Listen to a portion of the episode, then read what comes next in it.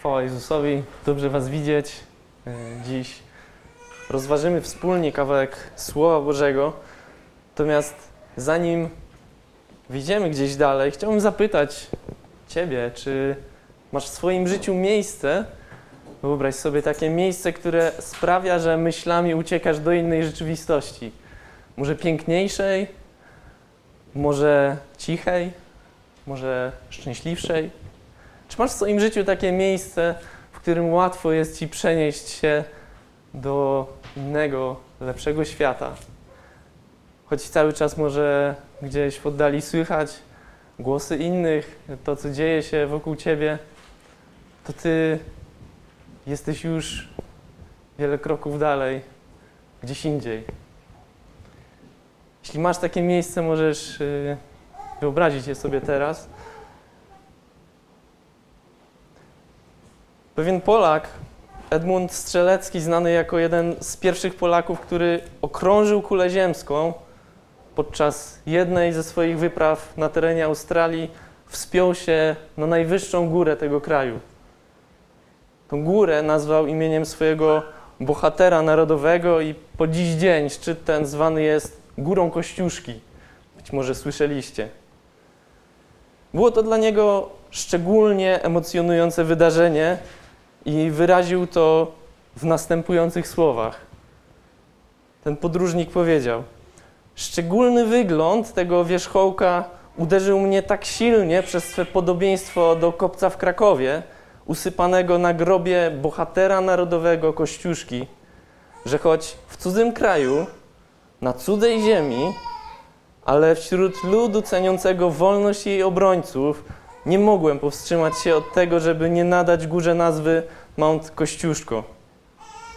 Tej niedzieli chciałbym, żebyśmy rozważyli Psalm 8, tak więc zapraszam do tego, żeby otworzyć tą część Starego Testamentu.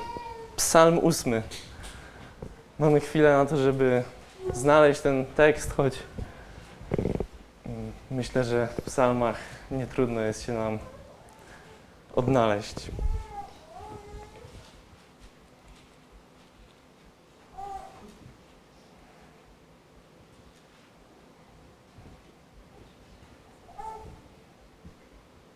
Przeczytajmy. Psalm 8.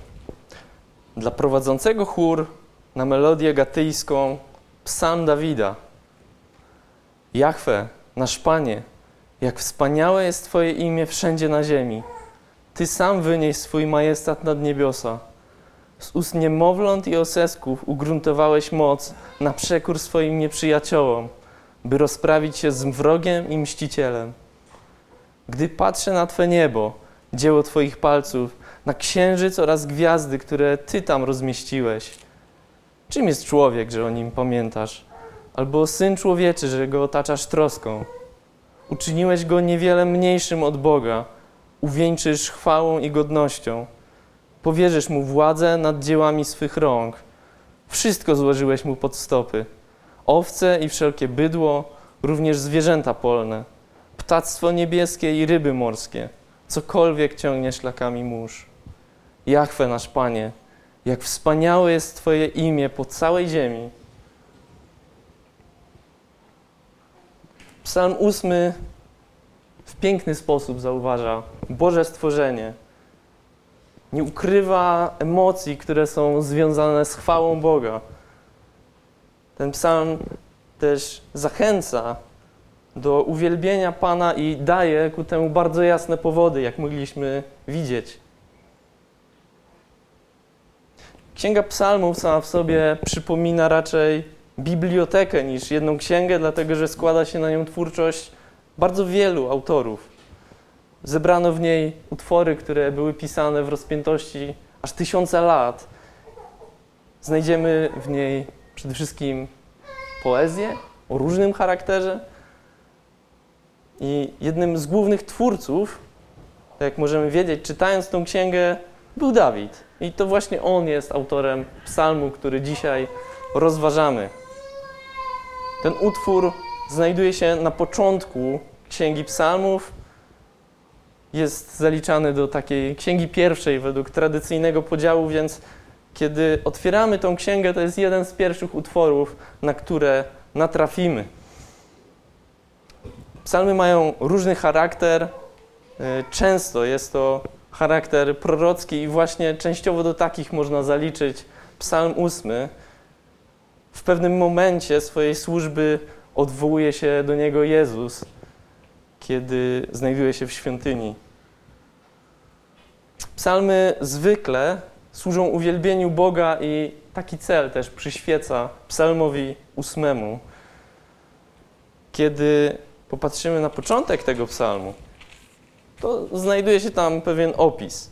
I dzięki temu opisowi możemy wiedzieć, że prawdopodobnie był to radosny, śpiewany być może przy tłoczeniu wina, albo po prostu związany z, miejsc z miejscowością Gat, bo na początku pada na melodię gatyjską.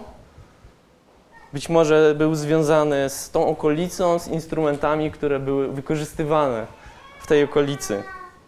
Na tą samą melodię gatyjską napisano też psalm 81 i 84.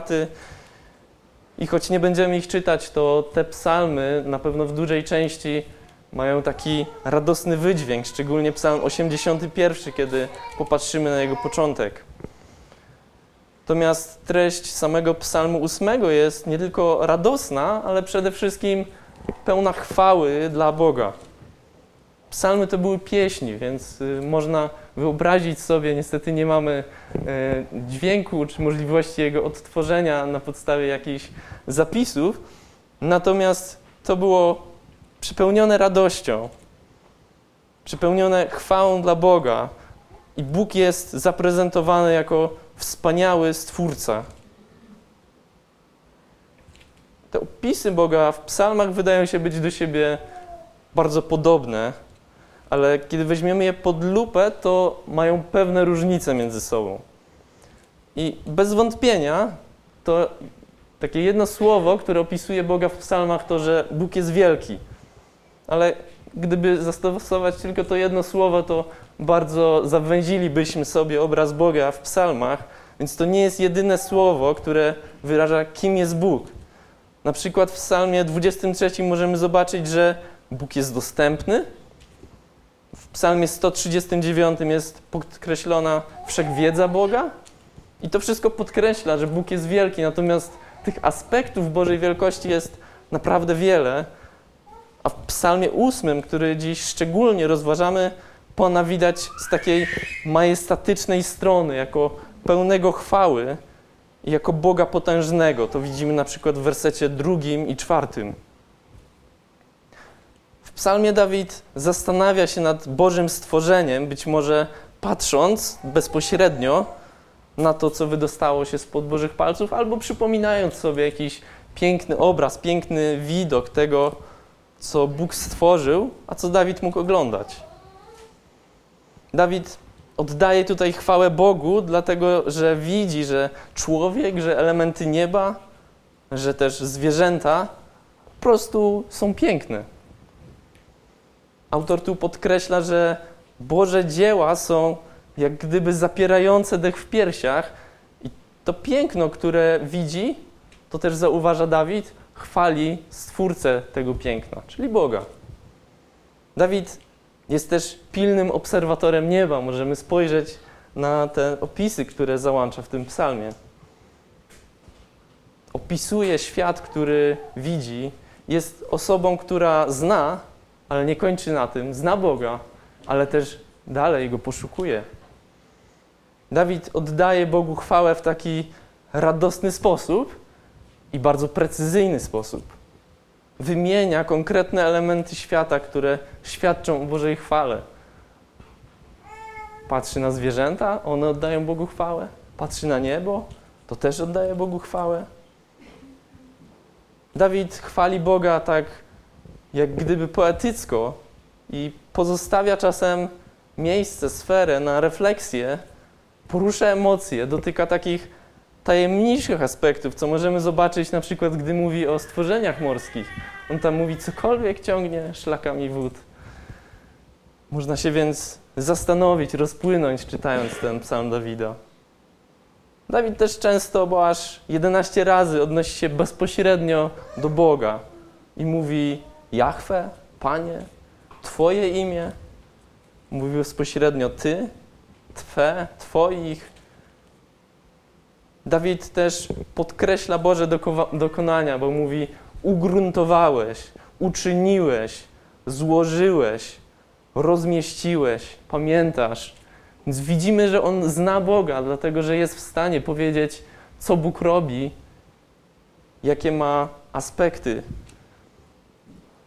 Dawid wie, kim jest. Dawid wie, o kim mówi. Dawid zna Boga.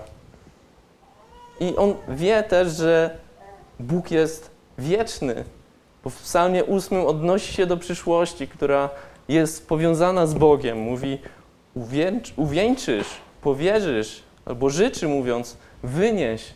Więc Dawid wie, że Bóg ma wpływ na przyszłość. Nie tylko coś zrobił, ale jest też władny, żeby zmienić coś, co ma wydarzyć się w przyszłości. Takim stwierdzeniem, które powtarza się w tym utworze, to jest dotyczące niesamowitości Bożego imienia. Taka myśl, która jest zapisana na początku i na końcu tekstu, tworząc taką klamrę, mówi nam, co tak naprawdę powinno być dla nas ważne w odbiorze tego psalmu.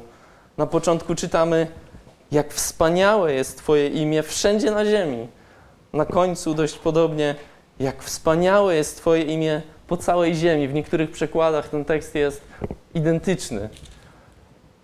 W psalmie ósmym, w kolejno w drugim, trzecim wersecie możemy zobaczyć, że Bóg jest mocny.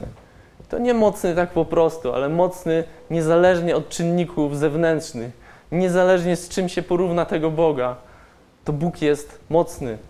Czytamy, że Bóg jest mocny wszędzie na ziemi. W drugim, trzecim wersecie możemy zobaczyć Jachwę, nasz Panie, jak wspaniałe jest Twoje imię wszędzie na ziemi. Ty sam wynieś swój majestat nad niebiosa. Z ust niemowląt i osesków ugruntowałeś moc na przekór swoim nieprzyjaciołom, by rozprawić się z wrogiem i mścicielem. Dawid zwraca się do Boga po imieniu i przez to nie ma wątpliwości, czy komunikuje się właśnie z Bogiem, czy ma na myśli jakieś inne bóstwo. Wiemy, że komunikuje się z Bogiem Jahwe. Dawid w odniesieniu właśnie do Boga, konkretnie Jahwe, czyli tego, który istnieje, do wiekuistego Boga, zwraca się z szacunkiem. W naszej kulturze, języku mówić do kogoś per panie po prostu wypada, ale to nie wiąże się z traktowaniem kogoś jako władcy. Oczywiście zależnie od zrozumienia tego stwierdzenia, niemniej inne języki bardziej precyzyjnie określają to słowo panie. Co więcej, dla osoby z czasów Dawida, czyli na tysiąc lat przed Chrystusem, ta perspektywa była zupełnie inna. Inny był sposób zarządzania krajem, inna była mentalność w podejściu do władcy. To było coś tak niedostępnego. Panem określało się osobę, która była mistrzem, kimś politycznie silnym, kimś z renomą. To był ktoś niewzruszony. I dawniej podobno posiadano dużo większy szacunek do osób mających wysoką, wyższą rangę. Panem określano króla, panem określano księcia, jakiegoś zwierzchnika, może nad danym terytorium. Panem mógł być nazywany jakiś mistrz, ktoś w rodzaju gubernatora.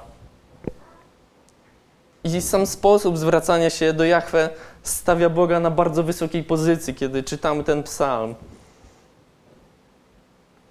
W tych pierwszych wersetach możemy przeczytać, jak wspaniałe jest Twoje imię wszędzie na ziemi. I to słowo, które tłumaczy się jako wspaniałe, oznacza nie tylko coś, co jest nacechowane po prostu pozytywnymi emocjami, nie tylko coś, co robi dobre wrażenie. Ale w tym miejscu można tak naprawdę przeczytać o tym, że Boże imię jest zacne, najzacniejsze, wielmożne. To jest takie królewskie, kiedy czyta się to słowo.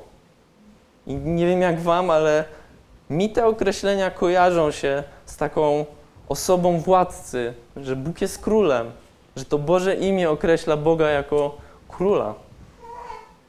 Jest ono takie dostojne, takie sławne, wspaniałe w takim kontekście, w którym można wyrazić się na przykład o takich mocnych morskich falach, które uderzają solidnie, tak że nic nie jest w stanie się im oprzeć.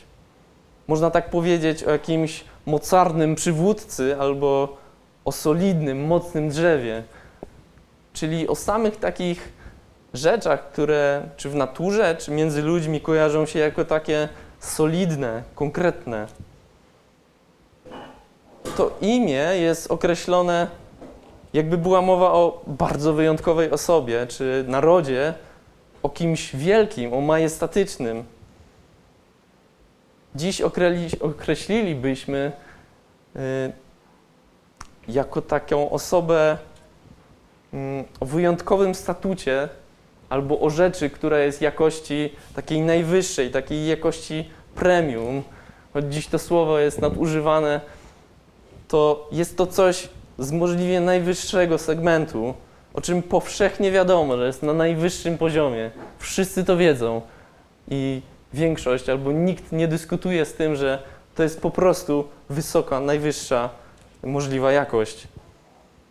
Dla porównania, dziś może jest to mitem, ale dawniej za takiej wyższej rangi samochód uchodził Mercedes.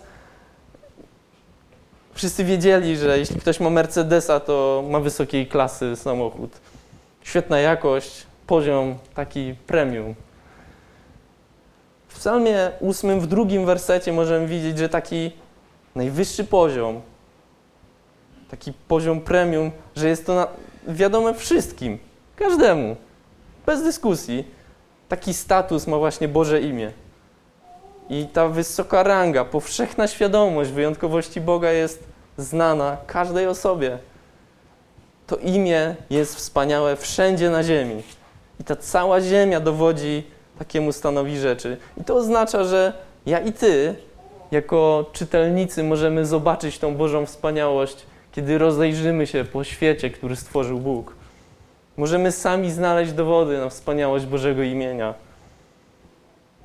Chciałem zapytać, czy Twoje oczy, kiedy patrzą na rzeczywistość znajdującą się wokół Ciebie, czy one dążą do tego, żeby oddać chwałę Bogu za to, co widzą?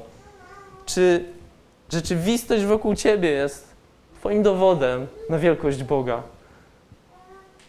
Dla Dawida to, co widział, było oczywistym dowodem, że Bóg jest wielki. Każdego człowieka otacza jakieś piękno Bożego stworzenia, i my, tak jak Dawid, możemy wiedzieć, kto stworzył te niesamowite rzeczy, kto jest odpowiedzialny za to piękno, kto jest odpowiedzialny za to, co tak cudownie, niektórzy mówią, wymalowała natura. Ale to nie matka natura. Dawid nie mówi, jak wspaniała jest matka natura. Dawid mówi, że wspaniały jest Bóg, który to stworzył. Dalej czytamy, Dawid mówi, Ty sam wynieś swój majestat nad niebiosa. I się tu zastanowiłem, dlaczego Dawid sugeruje, żeby Bóg sam zajął się chwałą dla siebie. Czy Bogu nie zależy, żeby człowiek oddawał mu chwałę? I tu stwierdzenie Dawida sugeruje, że Bóg sam powinien zająć się wyniesieniem swojego majestatu. Bóg sam powinien zająć się zabezpieczeniem chwały dla siebie. Widzimy tu, że Bóg jest samowystarczalny, że ta kwestia chwały także jest w zasięgu Boga, żeby jej nie zabrakło. I wiemy, że kiedy Bóg zajmie się jakimś tematem, to zrobi to dużo lepiej niż ktokolwiek inny. Ale czy ta kwestia chwały nie powinna być dokonywana przez kogoś innego, zewnętrznego niż on sam? Czytając Biblię widzimy, że Bóg pojawia się nie tylko jako jedna osoba, ale widzimy też pozostałe osoby tworzące Boga. Widzimy obraz Trójcy i Ojciec nie mówi tylko o sobie, ale wskazuje na Syna. Jezus, kiedy widzimy, że mówi, to wskazuje na Ojca. Duch Święty, kiedy przekonuje człowieka do relacji, to jest to relacja z Ojcem za pośrednictwem Syna, za pośrednictwem Jezusa. Więc widzimy, że Bóg może w skuteczny sposób uwielbić sam siebie. Bóg może wynieść swój majestat aż pod niebiosa, jednocześnie nie będąc takim narcyzem, który mówi tylko o sobie. My jako ludzie nie mamy takiej możliwości, a tu w Bożej postawie widać taki podziw, ale często widzimy, że jest to podziw względem innych osób, pozostałych osób Boga, niż gromadzenie cennych rzeczy, jak gdyby dla siebie. I dlatego właśnie Bóg jest w stanie uwielbić siebie lepiej niż my jesteśmy w stanie go uwielbić.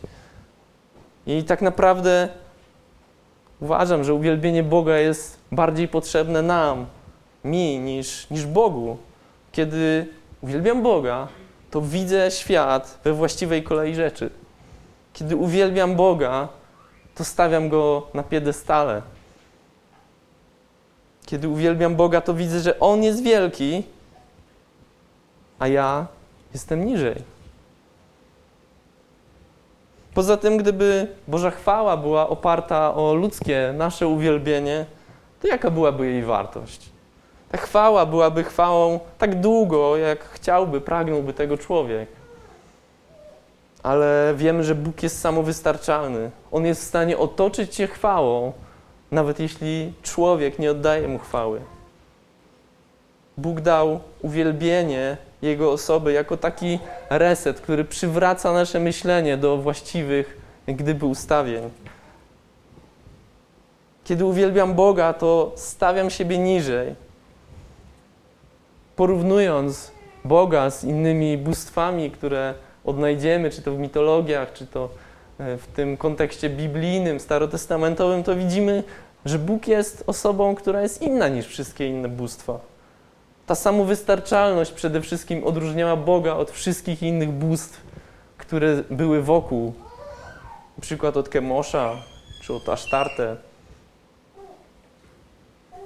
One potrzebowały do funkcjonowania adoracji od człowieka. A Dawid tu mówi: Boże, Ty sam zajmij się chwałą dla siebie. Ja Ci oddaję chwałę, ale ja wiem, że Ty sam zrobisz to najlepiej. Bez chwały od ludzi bożki ginęły jak słaby gatunek zwierząt i dziś nie są wzywane. Natomiast Bóg jest w stanie poradzić sobie niezależnie od człowieka. I ten fakt, że Dawid mówił, by to sam Bóg wyniósł swój majestat, świadczy o świadomości, z kim ma do czynienia, że ma do czynienia z prawdziwym Bogiem, który nie jest wymysłem człowieka. Dawid wiedział, że Bóg Izraela jest absolutnie wyjątkowy, że jest ponad wszystkich, ponad wszystko.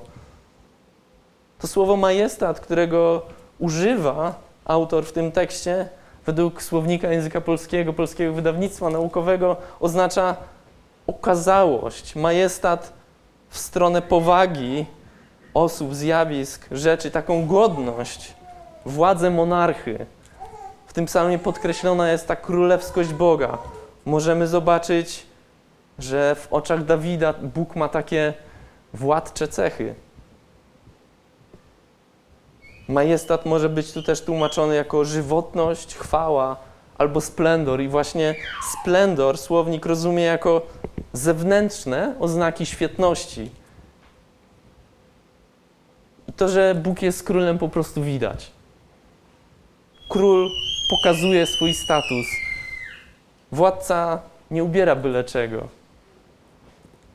Tak też Bóg pokazuje w swoim stworzeniu, jaka jest Jego chwała. Kiedy się rozejrzycie, zobaczycie na miastkę tego, kim potrafi być Bóg. Bo oglądamy tylko początek Jego świetności. Pozostaje kwestia niebios. Dlaczego Pan ma wynieść swój majestat właśnie nad niebiosa? W wersecie drugim i czwartym padają słowa niebiosa, dalej niebo. I z kontekstu widzimy, że to pierwsze stwierdzenie, niebiosa, odnosi się do nieba raczej jako miejsca, które mm, jest niebem, y, którego nie widzimy. Natomiast niebo jest y, tym niebem fizycznym, to z wersetu czwartego, który możemy zobaczyć, kiedy będziemy nocą z dala od y, świateł.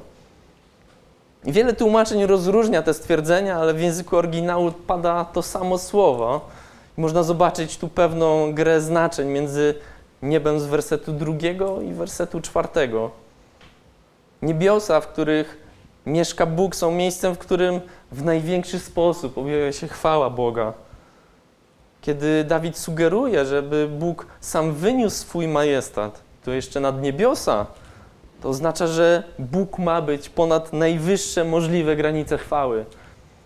Dawid wie, że dla Boga nie ma rzeczy niemożliwych i takie poszerzenie granic chwały Bogu nie sprawi trudu.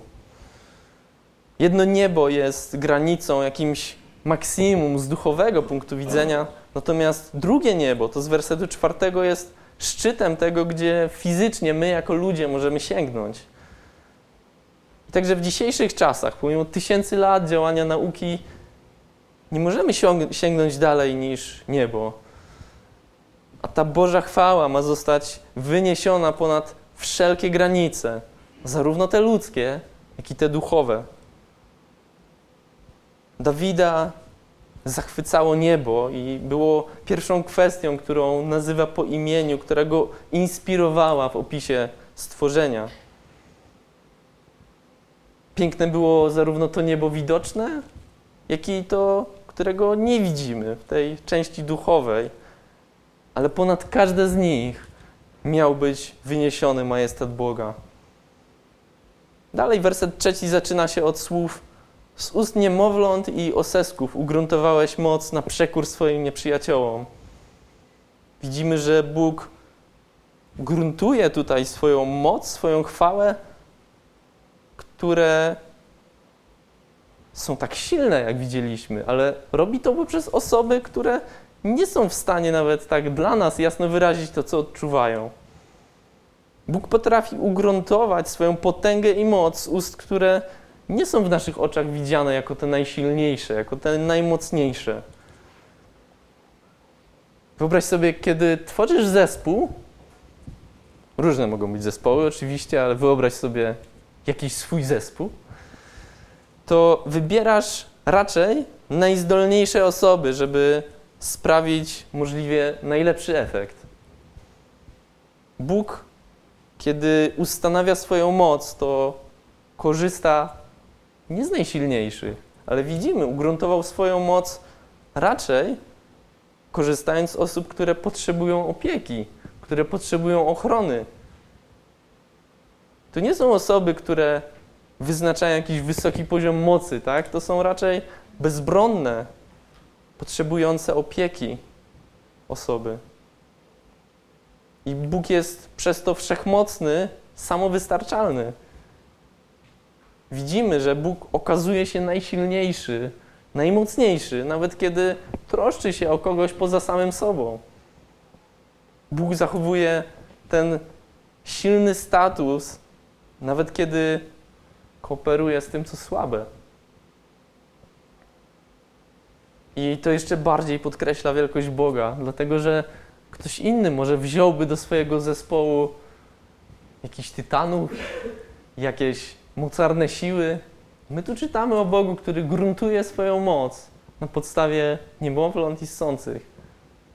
Bóg jest wielki. W Nowym Testamencie możemy czytać, że Jezus przyjmował chwałę także od dzieci, które wołały w świątyni i to bardzo nie zadowalało znawców prawa.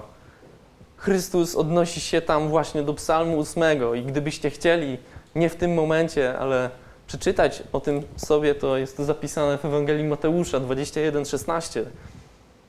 Można powiedzieć, że kiedy człowiek odkrywa, że Bóg jest ponad wszystkim, to wynika to też z prostej, dziecięcej wiary. I Nowy Testament zachęca do posiadania takiej dziecięcej prostoty w zaufaniu Jezusowi. I to z pewnością sprzyja chwale dla Boga, kiedy my po prostu ufamy Bogu nieprzyjaciel w sytuacji, w której Bóg opiera swoją moc na sobie samym, bo tak naprawdę te niemowlęta, te y, oseski czy, czy też sący y, dla zwykłego człowieka są raczej y, wyzwaniem, potrzebą opieki. Natomiast kiedy Bóg ma w swoim zespole takie osoby, to widać, że on sam nie ma słabych punktów, bo on jest w stanie zająć się samym sobą, plus jeszcze kimś jeszcze. Nieprzyjaciel nie ma słabych miejsc, w które mógłby trafić. Czytamy, że właśnie ten sposób daje możliwość rozprawienia się z wrogiem i mścicielem. Poleganie na Bogu jest jedynym sposobem radzenia sobie z duchowymi problemami, które możemy spotkać w życiu. Ta prosta wiara jest wielką bronią dla Ciebie jako dziecka Bożego. Boże Słowo w różnych miejscach zachęca nas do zwykłego, prostego, dziecięcego zaufania Bogu, Chrystusowi. I to właśnie jest w stanie przeciwstawić się diabłu i grzechowi. Nowy Testament określa diabła jako wroga, na przykład w 1 Piotra 5:8. A przeciwnikami często są określane osoby, które stały na drodze do rozwoju Ewangelii, kiedy apostołowie przenosili się w różne miejsca z przesłaniem Słowa Bożego. To właśnie ufanie Panu pomaga w walce z przeszkodami ciała, z egoizmem, ze swoimi zachciankami, rządzami. I niezależnie jak nazwiemy tego wroga z duchowej perspektywy, bo tych wrogów może być wielu, to zawsze kluczem do pokonania ich będzie zaufanie Bogu. Ta moc Boża objawia się nawet jeśli współpracuje Bóg z kimś słabym, z kimś bezsilnym. Tu chciałbym Ciebie zapytać, czy Ty wierzysz, że Boża moc może pomóc Tobie? Czy dostrzegasz swoją słabość? Czy pamiętasz, że Bóg działa poprzez słabości? Kiedy jest ciężko, kiedy jest trudno, to Ty widzisz, że jesteś na krańcu swoich możliwości i dajesz wtedy Bogu miejsce do tego, żeby zadziałał. Bóg wtedy może ugruntować swoją moc w Twoim życiu. Boża moc i wspaniałość jest dla Dawida widoczna w stworzeniu nieba. Dawid zachwycał się, był pełen emocji, był pełen podziwu do tego, co widzi. Opisywał to, co znajduje się nad naszymi głowami. To Boże stworzenie inspirowało do rozmyślań na temat niesamowitości Boga. Nie było tylko jakąś częścią naukową do analizy, ale było takim miejscem piękna, miejscem inspiracji. I pewnie nie z każdego miejsca na ziemi będzie nam się łatwo wczuć w tą sytuację Dawida, bo dziś, kiedy patrzymy w niebo, to zwykle jesteśmy wokół jakichś zabudowań, wokół jakiejś infrastruktury, gdzieś są jakieś światła, mocne punkty zabudowania i nie możemy dostrzec tego nieba w pełnej krasie. Ale kiedy udamy się gdzieś w góry, kiedy udamy się gdzieś z dala od zabudowań, kiedy pójdziemy gdzieś w jakieś pole, jesteśmy na wsi, na Śląsku ciężko to dobrze zobaczyć, ale są miejsca, gdzie to niebo jest widać dużo lepiej niż tylko księżyc i inne najjaśniejsze punkty nieba. Kiedy idziesz na taki spacer z dala od infrastruktury, od ludzkich mieszkań, to możesz zobaczyć dużo więcej szczegółów tej przestrzeni, dużo pełniejszy obraz. I takie czyste niebo miał do dyspozycji właśnie Dawid, który żył długo przed erą elektryczności, w której żyjemy. On mógł zobaczyć ten bezmiar konstelacji, ten bezmiar gwiazd, ten bezmiar układów. Mógł zobaczyć to ze szczegółami. Czy w tobie niebo wzbudza podziw? Że są takie osoby, które lubią oglądać niebo. Gwiazdy, planety mogą wzbudzać emocje, mogą przypominać o wszechmocy Boga jako ich stwórcy. Wyobraź sobie, jak potężną osobą trzeba być, żeby rozmieścić te gwiazdy na niebie. Wyobraź sobie, jeśli masa gwiazd daleko przewyższa masę naszej planety, to jak wielką siłą trzeba dysponować, żeby rozmieścić je kosmosie? Jak bardzo potężne są te Boże palce, skoro były one w stanie stworzyć obiekty oddalone od siebie na odległość, która jest dla nas nie do zmierzenia. Jaką wiedzą trzeba dysponować, żeby zaprojektować świat, tak żeby on przez tysiące lat trzymał się w ryzach. I dziś podobnie jak za czasów Dawida, mamy powody do tego, żeby zachwycać się, żeby się emocjonować Bożym stworzeniem. Kiedy popatrzymy na niebo nocą, ono jest po prostu piękne. I Dawid widział to piękno i wiedział, kto jest jego autorem. Możemy się zapytać, czy pamiętam dzięki komu mogę oglądać tak wspaniałe, piękne widoki, bo one chwalą Boga.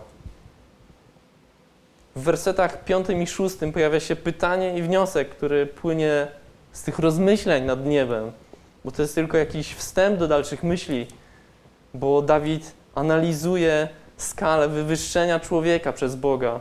Czytamy tam w piątym wersecie, czym jest człowiek, że o nim pamiętasz? Albo syn człowieczy, że go otaczasz troską. Więc Bóg pamięta o człowieku. Bóg troszczy się o człowieka. Pomimo, że stawiamy siebie jako pępek świata i nie widzimy innej możliwości niż to, że Bóg powinien się nami zająć, to jednak Dawid zauważa w tym Bożą łaskę, Bożą przychylność, że Bóg zwraca uwagę na człowieka. Kiedy spoglądamy w ten tekst, to widzimy, że Bóg troszczy się o ciebie, Bóg pamięta o tobie.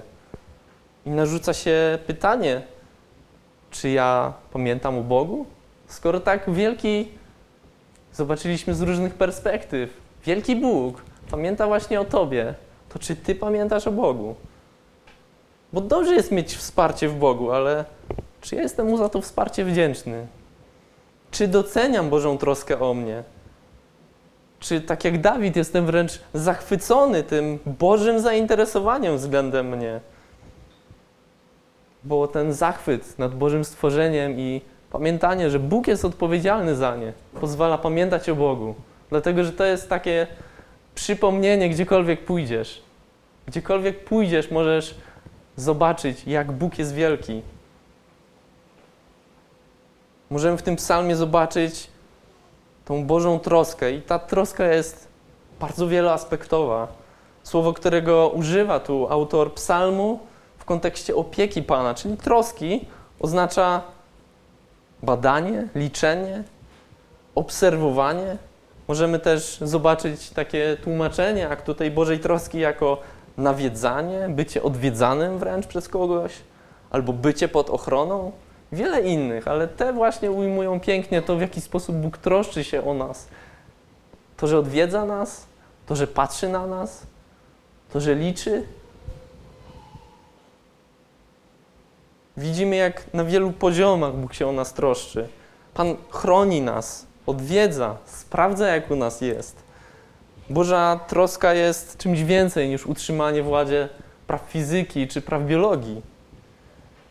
Bóg jest tak bardzo zainteresowany, że można powiedzieć, że odwiedza nas w ciągu całego życia i sprawdza albo pyta, gdzie jesteś, w jakim miejscu jesteś w życiu.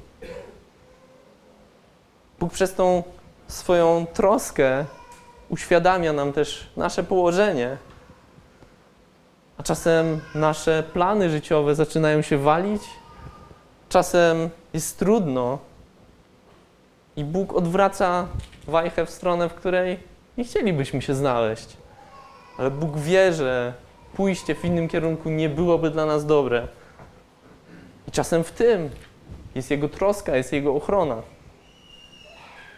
Bóg nie traktuje Ciebie jako piąte koło uwozu i to jest coś, co warto pamiętać i przypomnieć sobie w trudnym momencie. Bóg pamięta, że jesteś. Czy Ty w swoim życiu masz też taką postawę względem Boga?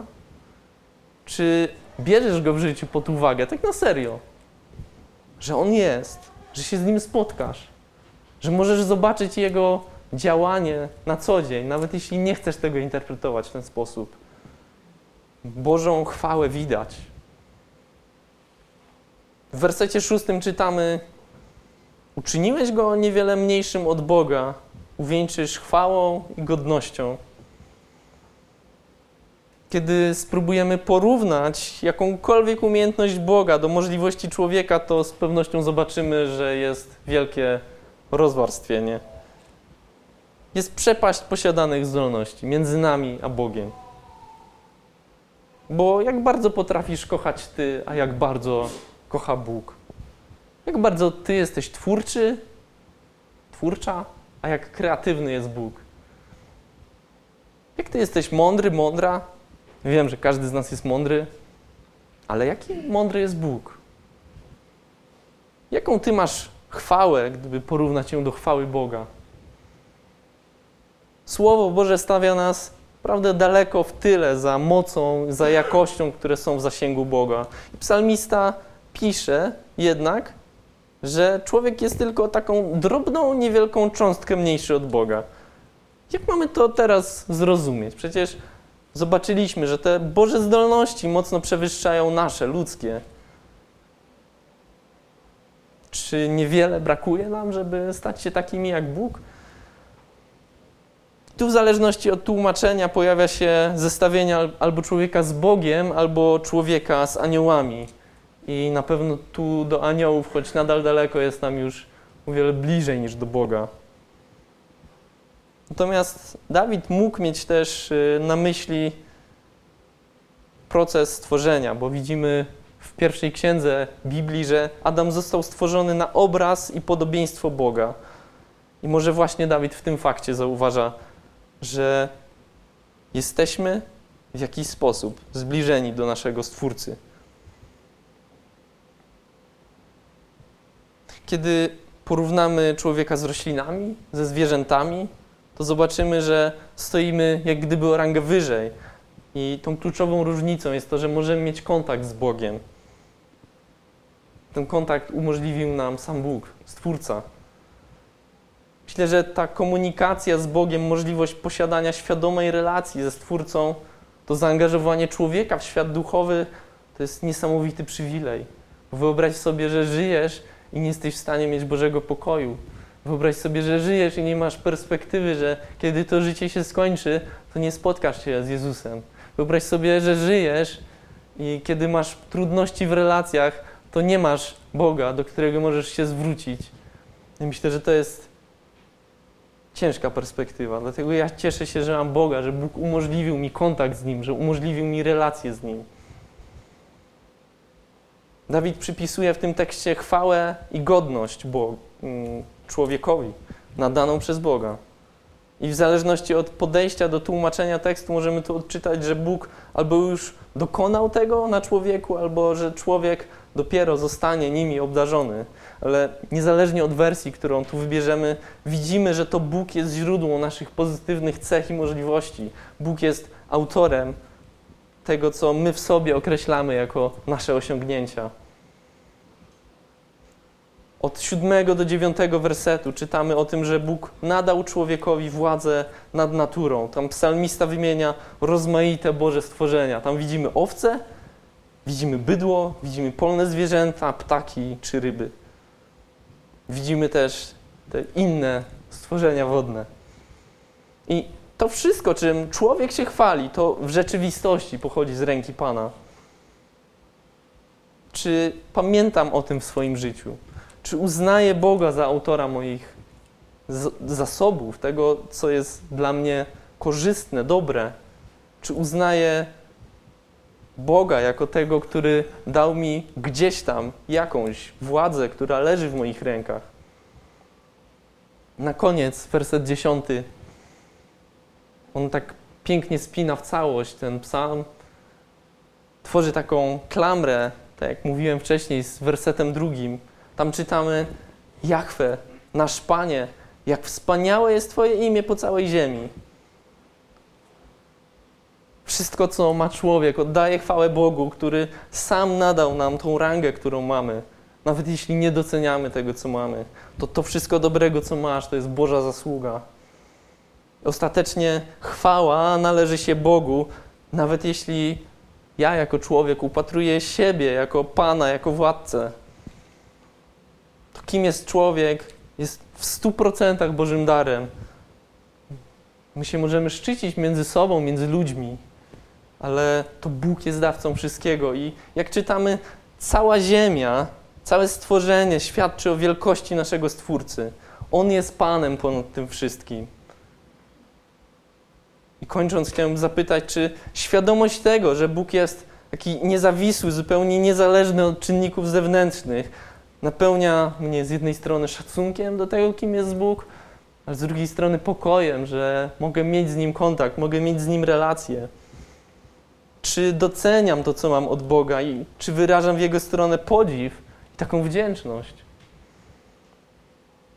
Chwała Bogu, że Jego ślady możemy oglądać gdziekolwiek się udamy. Bóg zadbał o to, żebyśmy o Nim pamiętali. Chwała Bogu. Amen.